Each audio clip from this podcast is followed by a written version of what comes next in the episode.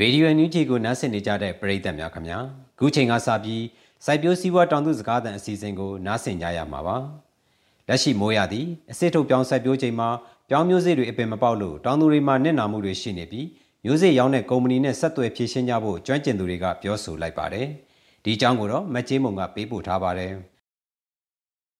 မြန်မာတိုင်းနိုင်ငံလုံးရဲ့စစ်ထုတ်ပြောင်းစိုက်ရေးကဒုတိယအများဆုံးဖြစ်တဲ့ရှမ်းပြည်နယ်တောင်ပိုင်းမှာပြောင်းမျိုးစေ့တွေအပင်မပေါက်လို့တောင်သူတွေမှာနစ်နာနေရပါတယ်။ ဆီယနာသိမ်းပြီးနောက်ပိုင်း2021နွေစပိုင်းရာသီကစလို့တဖြည်းဖြည်းမြင့်တက်လာတဲ့ဓာတ်မြေဩဇာနဲ့73စီဈေးတွေလုံသားငါးရန်ဈေးတွေကြောင့်တောင်သူတွေတီးနှံစိုက်ပျိုးထုတ်လုပ်ရမှာတေကကုန်ကြဈေးတွေမြင့်တက်လာပါတယ်။ဒါကြောင့်အခုလိုစိုက်ပျိုးပြီးမှအပင်မပေါက်လာတဲ့ပြောင်းမျိုးစေ့အတွက်မျိုးစေ့ရောင်းဝယ်သူကုမ္ပဏီတွေနဲ့ဆက်သွယ်ဆောင်ရွက်လိမ့်မရှိတဲ့တောင်သူတွေဆက်သွယ်ဆောင်ရွက်နိုင်အောင်ဝါရင်ကျွမ်းကျင်သူပြောင်းလုပ်ငန်းလုပ်ကင်သူတွေကအခုလိုစော်ဩလိုက်တာပါ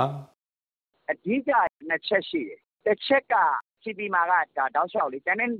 မျိုးတွေကတော့ ဖြစ်တော့ဖြစ်လို့ CP ကဘာပဲပြောပြော သူ့မျိုးဆိုရင် တရားဝင် သူ့ကိုယ်စားလှယ်ဆီက ဝယ်တဲ့ပြောင်းမျိုးဆို သူတာဝန်ယူလေ့ယူတာရှိတယ်။ CP ရဲ့ထုံးစံ။ဒါပေမဲ့ ခက်တာက CP မှာ နှစ်ဖြစ်ပြဿနာက ဘာလဲဆို အတုဝင်တဲ့ပြဿနာ။ကျန်တဲ့နေရာမှာ မရှိဘူး။ရှမ်းမှာပဲ။ရှမ်းမှာတောင်မှ အထူးသဖြင့် ရှမ်းတောင်မှာဖြစ်တာ။အဓိကက သူကလေ ရှမ်းတောင်မှာ အတုတွေဝင်တယ်။ဝင်တဲ့အခါကျတော့ အဲဒီဝယ်တယ်ပထမစလိုက်ခဲ့မယ်လို့ မပေါက်တော့ဘူးဆိုရင် တောင်သူက ဘယ်ကိုလိုက်ရမလဲ။တောင်သူက ဘယ်ဆိုင်မှာဝယ်လဲ။အဲဒီဆိုင်က ဝယ်တဲ့လူက CP ကိုယ်စားလှယ်ဟုတ်လား CP ကိုယ်စားလှယ်ဟုတ်တယ်ဆိုရင်ဝယ်တဲ့ဘောက်ချာရှိမယ်။အဲဒီဘောက်ချာနဲ့ CP ကိုယ်စားလှယ်က CP ကုမ္ပဏီကိုအကြောင်းကြားပေးရမယ်။ကုမ္ပဏီကလည်းဒါသူတို့မျိုးလည်းမှန်တယ်ပေါ့။သူ့ကိုယ်စားလှယ်ရောင်းတယ်ဆိုရင်တကယ်လို့သူတို့သတ်မှတ်ထားတဲ့ပေါက်နှုန်းကသူ့ရဲ့ Termination Rate က၉၀ရှိတယ်ပေါ့။အဲဒီအောက်ရောက်ရင်ကုမ္ပဏီနဲ့တောင်သူနဲ့ကြားထဲမှာညှိနှိုင်းပြီးတော့ဆောင်ရွက်ပေးတယ်။မြန်မာတိုင်းနိုင်ငံလုံးမှာစစ်ထုတ်ပြောင်းစိုက်ရေးကားက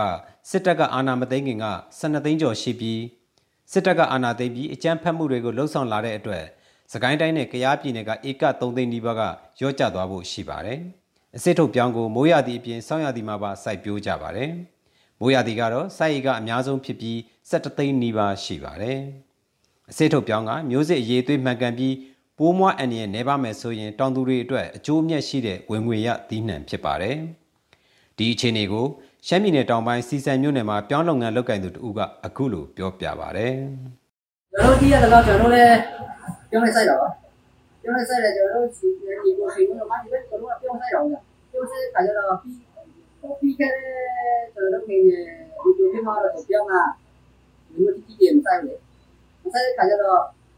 ကျွန်တော်တို့ဒီဒီကစီးပွားရေးအတွက်ကဟိုဘာရှိလို့ကျွန်တော်စကားလေးတစ်ခုပဲရှိတယ်စပါးကဒီကမျိုးစပါးလေးဖြစ်တဲ့ခါကျတော့အချို့ပြည်တယ်ဒီကောင်းအောင်ရှိတယ်ကောင်းအောင်ရှိတယ်ဆိုတော့ဟိုဒီဒီနေ့ဝင်ဝင်ကအပုံရှိဘူးပေါ့အခုဒီပြောင်းရှိတဲ့ခါကျတော့ တခြားပညာစက်လို့ရတဲ့ဟာကဟိုဒီမှာမြတ်ပေါ့ဗျာဥပမာစပါးဆိုရင်ဒီတော့စပါးကလည်းတဲ့ကိစ္စနဲ့ဆိုကျွန်တော်တို့ကအယူထားတဲ့တောင်ကိုတွေပွက်သားစီကယူထားတဲ့ရှိငွေတွေရှိမယ်အကျိုးငွေတွေရှိမယ်နောက်ပြီးတော့စားကြရရှိမယ်ဆိုရင်စပါးလည်းရောင်းရတယ်အကျိုးဆိုရင်စပါးလည်းပြီးရောပုံတော့ပုံပေါ့အခုကပြောမှာစေးတာစေးကွက်ကအားကောင်းတယ်လူပဲလူအားလည်းကောင်းတယ်ပြောဆိုတာကကျွန်တော်ပြရတော့ပြီးတော့လည်းပြောမှကြည့်လား ကောင်းကောင်းကောင်းကောင်းလို့စီးရတယ်။နေ့ကနေ့တော့စီးရတဲ့ခါကျတော့ဒီပြောမှတအားကိုဒီပြောမှစီဟိုအစီပြေတယ်ဒီကားရောလေ။အဲ့တော့အိမ်ကောင်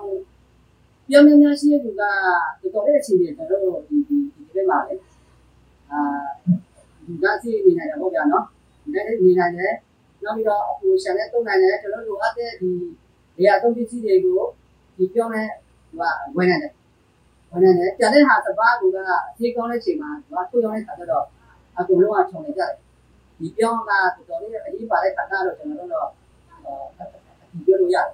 ပြီးခဲ့တဲ့2022-2023ပြောင်းရသည်မှာပြောင်းတန်ချိန်2တန်းနီးပါးကိုပြပတင်ပို့ခဲ့ပြီးအဲဒီကနေအမေရိကန်ဒေါ်လာတန်း980ရရှိခဲ့ပါတယ်။အစစ်ထုတ်ပြောင်းကိုတောင်သူတွေကအများပြစိုက်ပျိုးကြတဲ့အတွက်စိုက်ပျိုးရာသီချိန်ရောက်တိုင်းမျိုးစစ်အတုတွေကနှစ်စဉ်နှစ်တိုင်းဝင်ရောက်လာလိမ့်ရှိပါတယ်။ လက်တလောရှမ်းပြည်နယ်တောင်ပိုင်းမှာဖြစ်ပွားနေတဲ့မျိုးစေ့အတုပြဿနာမှာလည်းကုမ္ပဏီကဖြန့်ချီထားတဲ့မှတ်ပုံတင်မျိုးစေ့မဟုတ်ပါကတောင်သူတွေအတွက်တရားဝင်ဖြည့်ရှင်းဖို့အခက်အခဲရှိလာမှာဖြစ်ပြီးနင့်နာဆုံးရှုံးမှုတွေနဲ့လည်းရင်ဆိုင်ရနိုင်ပါတယ်။မျိုးစေ့ဥပဒေကိုရေးဆွဲထားပေမဲ့အခြားရာဇဝတ်မှုတွေဖြစ်ပွားနေသလိုမျိုးစေ့အတုတွေကပေါ်ပေါ်ထင်ထင်ရောင်းချနေစေဖြစ်ပါတယ်။ ဒါကြောင့်စိုက်ပျိုးရေးသုတေသနလုပ်ငန်းတွေစိုက်ပျိုးရေးနည်းပညာပေးလုပ်ငန်းတွေကိုအချင်းကုန်ငွေကုန်ခံပြီးဆောင်ရွက်နေပေမဲ့အခြေခံအကြဆုံးဖြစ်တဲ့မျိုးစေ့အတုပြဿနာကိုမဖြေရှင်းနိုင်သေးသည့်စိုက်ပျိုးရေးသုတေသနရလဒ်တွေနဲ့ဤပညာတွေကိုအသုံးမပြုနိုင်မယ်။တောင်သူတွေနဲ့အတူမြမလေယာကဏ္ဍဖွံ့ဖြိုးလာဖို့ကအလှမ်းဝေးနေဦးမှာဖြစ်ပါတယ်။ဟုတ်ကဲ့ပါအခုတင်ဆက်ပေးခဲ့တဲ့မြေပြင်သတင်းအကြောင်းအရာတွေကိုတော့ရေဒီယိုအန်ယူဂျီသတင်းတောက်မတ်ချေးမုံကပေးပို့ထားတာဖြစ်ပါတယ်ခင်ဗျာ